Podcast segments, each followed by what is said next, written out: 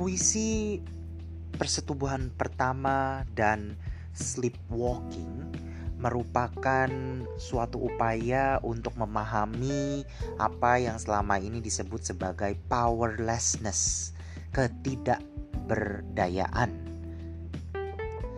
Pertama, terkadang seksualitas itu sendiri adalah sebuah area yang penuh dengan ironi yakni kadang kerelaan untuk menjadi rentan dan tak berdaya dalam aktivitas seks. Ini kadang juga merupakan sebuah kunci untuk meraih kenikmatan.